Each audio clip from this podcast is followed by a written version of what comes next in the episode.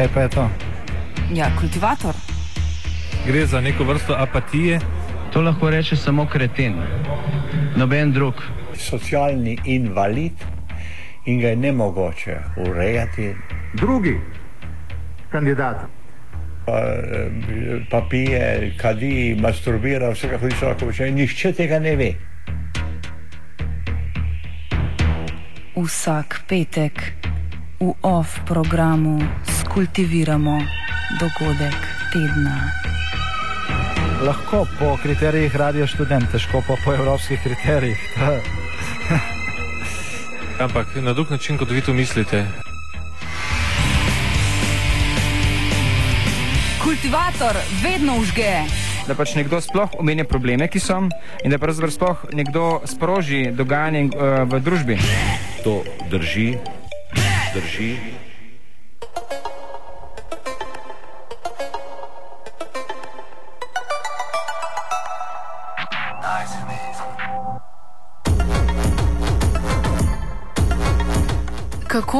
Uvesti davek na finančne transakcije?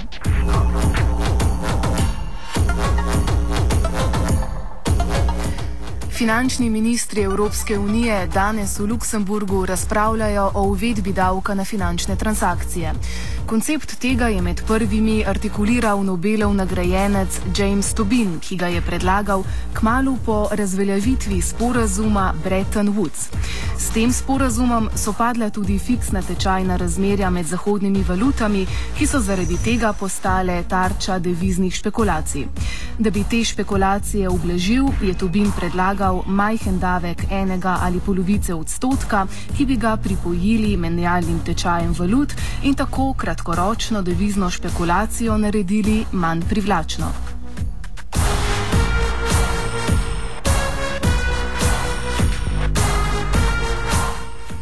Davek na finančne transakcije pokriva širše področje kot Tobinov davek, saj želi obdavčiti predvsem finančne institucije oziroma finančne špekulacije, medtem ko ne bi obremenjeval drugih ak ekonomskih aktivnosti. V osnovi ga je predlagal že ekonomist John Maynard Keynes, ki je svojo mislijo definiral ekonomijo 20. stoletja. Argumentiral je, da neseznanjeni borzni špekulatori na Wall Streetu svojo aktivnostjo povečujejo nestanovitnost trgov, zato je potreben davek na to vrstne finančne transakcije, ki bo to dejavnost naredil manj profitabilno. Če teh akterjev ne bomo kontrolirali, bi lahko po mnenju Keynesa pridobili nesorazmerno velik vpliv. Zakaj so ideje o davku na finančne transakcije ponovno vzniknile ravno sedaj, nam je povedal bančnik in pravnik France Arhar. Ja, gledajte, na kratko, ideja Tobina je že dolgo časa znana v svetu. Uveste davek na tako imenovane finančne transakcije v sedanji finančni krizi, ko so države toliko intervenirale in posredno davkoplačevalci, je ponovno prišlo predvsem med evropskimi partnerji do ideje, kako nabrati ustrezna finančna sredstva kot substitucijo za pomoč bančnemu sistemu, da bi se uvedel pravzaprav davek na finančne transakcije. Kot vem, o tem razmišlja tudi slovenska vlada korak v pravilno smer, vendar opozarja, da bo za uspešno stabilizacijo finančne krize potrebno spremeniti še mnogo drugih dejavnikov. Ne, to je, to je, to je dejansko to je že stara ideja Nobelovca Tobina, ki ima ta obliku uh, v bistvu, uh, pač obdavčiti transakcije, uh, finančne transakcije in s tem omogočiti lahko financiranje uh, v bistvu koristnih uh, uh, v bistvu družbenih projektov. Uh, Eh, to je za pozdraviti, ampak to je seveda bistveno premalo. Ne, v bistvu politiki Evropske unije se ne zavedajo, da je potrebna bistveno bolj temeljita v bistvu, rekonstrukcija sedanje politike v smeri bolj odločnega, v bistvu, uh, uh, v bistvu, odločne prekinitve za sedanjo politiko, v bistvu diktata finančnih uh, in uh, drugih centrov, ki v bistvu odločajo o tem, katero smer bo šla politika. To je en mali korak v tej smeri, ampak uh, potrebno je počakati še na politiko, ki bo sledila. Predvsem bo moralo preprečiti, da so v bistvu banke same sebi, finančni centri sami sebi namenjeni. V bistvu naloga finančnih centrov vedno bila ta, da pač služi gospodarstvu, sedaj pa živimo v svetu, ko so finančni centri, eh, finančni trgi namenjeni predvsem sami sebi in šele potem v drugi fazi se ukvarjajo z okolico okrog sebe. Dokler se to ne spremeni, eh, krize ne bo mogoče eh, v bistvu zaustaviti oziroma rešiti. To pa seveda zahteva precej radikalen poseg v trenutno družbeno ureditev. Uh, in tega se v bistvu ti finančni ministri, uh, nažalost, večina od njih se še ne zaveda. Nekateri se že, recimo francozi, francozom je to veliko bolj jasno.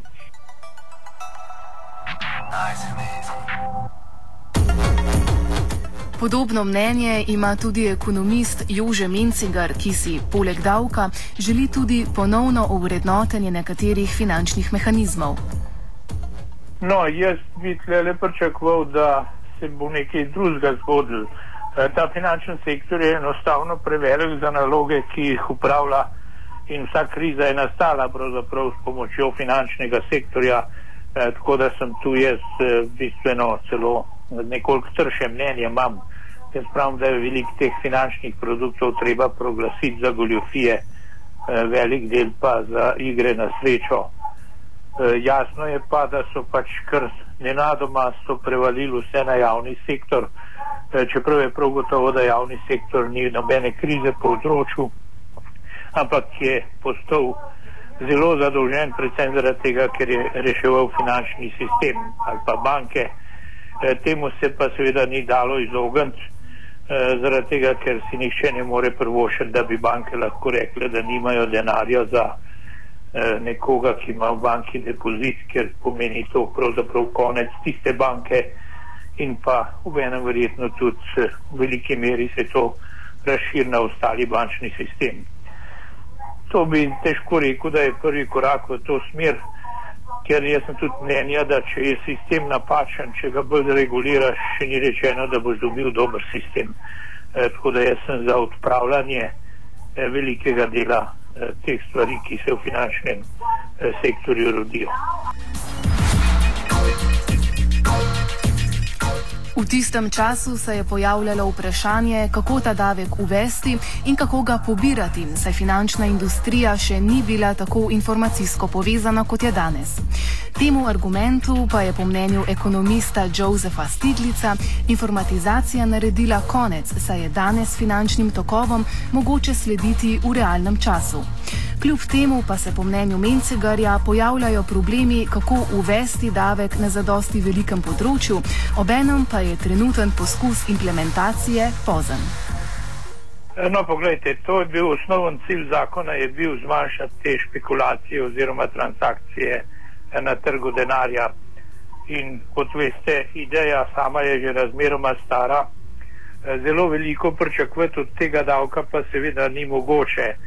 Eh, smiseln je samo, če se uvede na zelo velikem področju, recimo kot je Evropska unija, nikakor pa ne bi bil smiseln na kakšnem mehnem področju, eh, ker potem pač se bojo te transakcije upravljale drugje.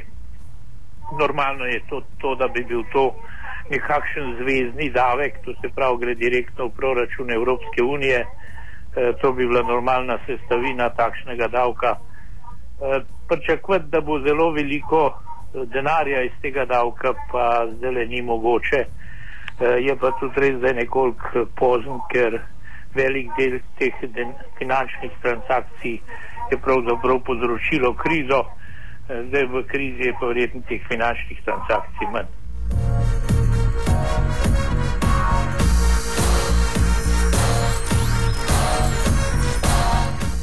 Tako se je davek na finančne transakcije znašel tudi na delovni mizi finančnih ministrov Evropske unije. Evropska komisija je pred zasedanjem izjavila, da pred srečanjem ne želi ničesar prejudicirati, vendar bodo predlog davka preučili v odprtem duhu tudi, če dogovor na ravni vseh 27 članic Evropske unije ne bo mogoč in bo skupina držav predlagala okrepljeno sodelovanje.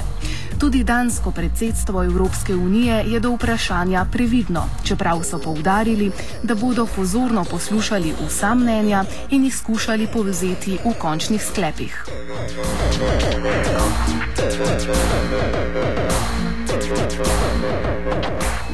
Največje zagovornice davka so Francija, Nemčija, Avstrija in Belgija, ki si želijo tako imenovanega okrepljenega sodelovanja. V začetku februarja so jim načelno podporo izkazale tudi Italija, Španija, Portugalska, Grčija in Finska.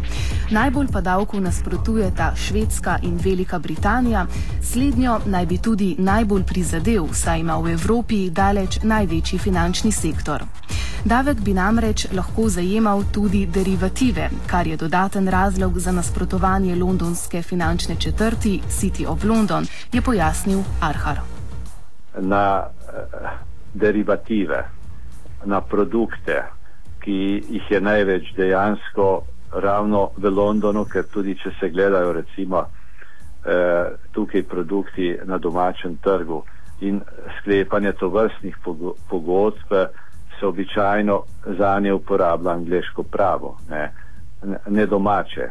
Čeprav nastopata dve domači stranki, je banka si dejansko pokrije tveganje, ki nastane iz takega posla, se z nekom iz tujine.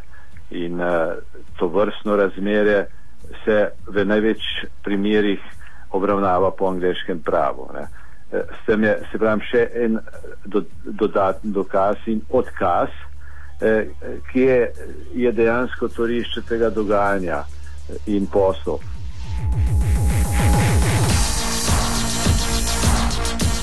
Težavnost uvedbe davka se kaže že na ravni Evropske unije, predvsem zaradi nasprotovanja Velike Britanije, še večja težava pa je uvedba na svetovni ravni. Nadaljuje Mincigar. Če že v Evropi ni soglasja glede tega, ne, kot vem, se najbolj opira Velika Britanija, ki ima zelo velik ta finančni sektor, e, mislim, da je tudi Švedska precej nasprotuje, e, najbrž pa ni verjetno, da bi se za tak davek zedinili na svetovni ravni, ker bi morali seveda tudi določiti, kdo je dobitnik tega davka, ne? kdo dobi davek. Na, na Evropski uniji se zdi naravno, da dobi center, e, v svetu pa ne vem, kako bi ta davek delili. Tako da prav velikih stvari jaz ne bi pričakoval od tega davka. Nimam pa seveda nič proti. Ne.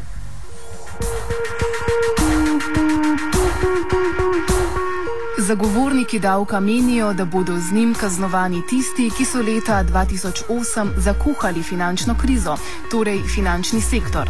Kritiki tega vidika pa menijo, da bi bilo slednje kontraproduktivno, saj bi Evropo naredili neprivlačno za domnevno nujne zunanje investicije. Ustrajajo tudi pri tem, da bi ta davek za učinkovito izvajanje morali uvesti na globalni ravni. To pa je v trenutnih razmerah praktično nemogoče, saj mu kategorično nasprotujejo v Združenih državah Amerike. Na tveganje parcialnega uvajanja je upozoril Arhar. Kot bančniki opozorili predvsem na to dejstvo, da parcialno uvajanje kakršne koli obremenitve kakršnega koli davka na finančne transakcije predstavlja tudi tveganje.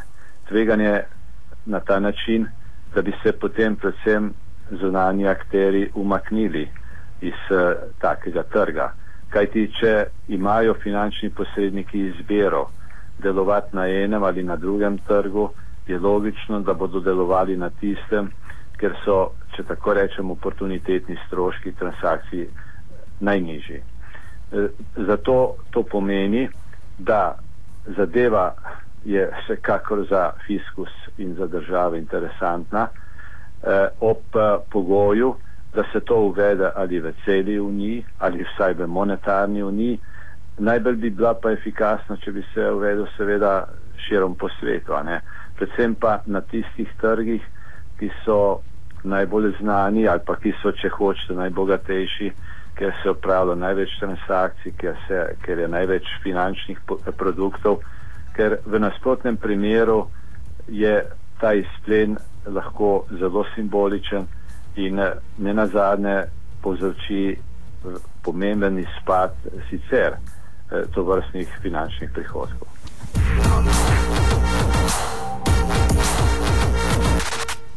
Ob koncu pa je Arhar obrazložil, da nas čaka še dolga pot do dejanske uvedbe davka na finančne transakcije.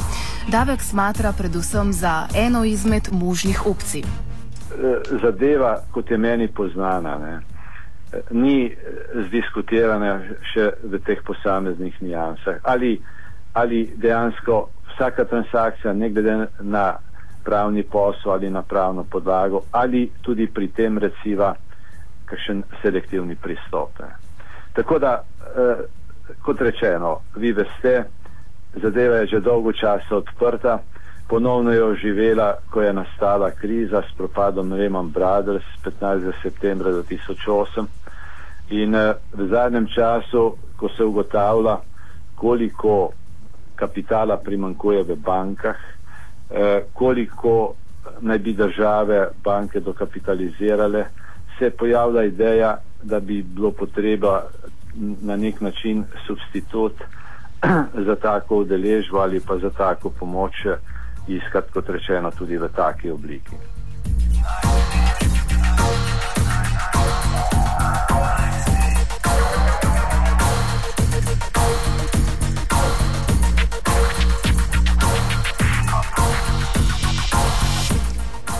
Kultivirala sta Luka Tetičkovič in Kožuh.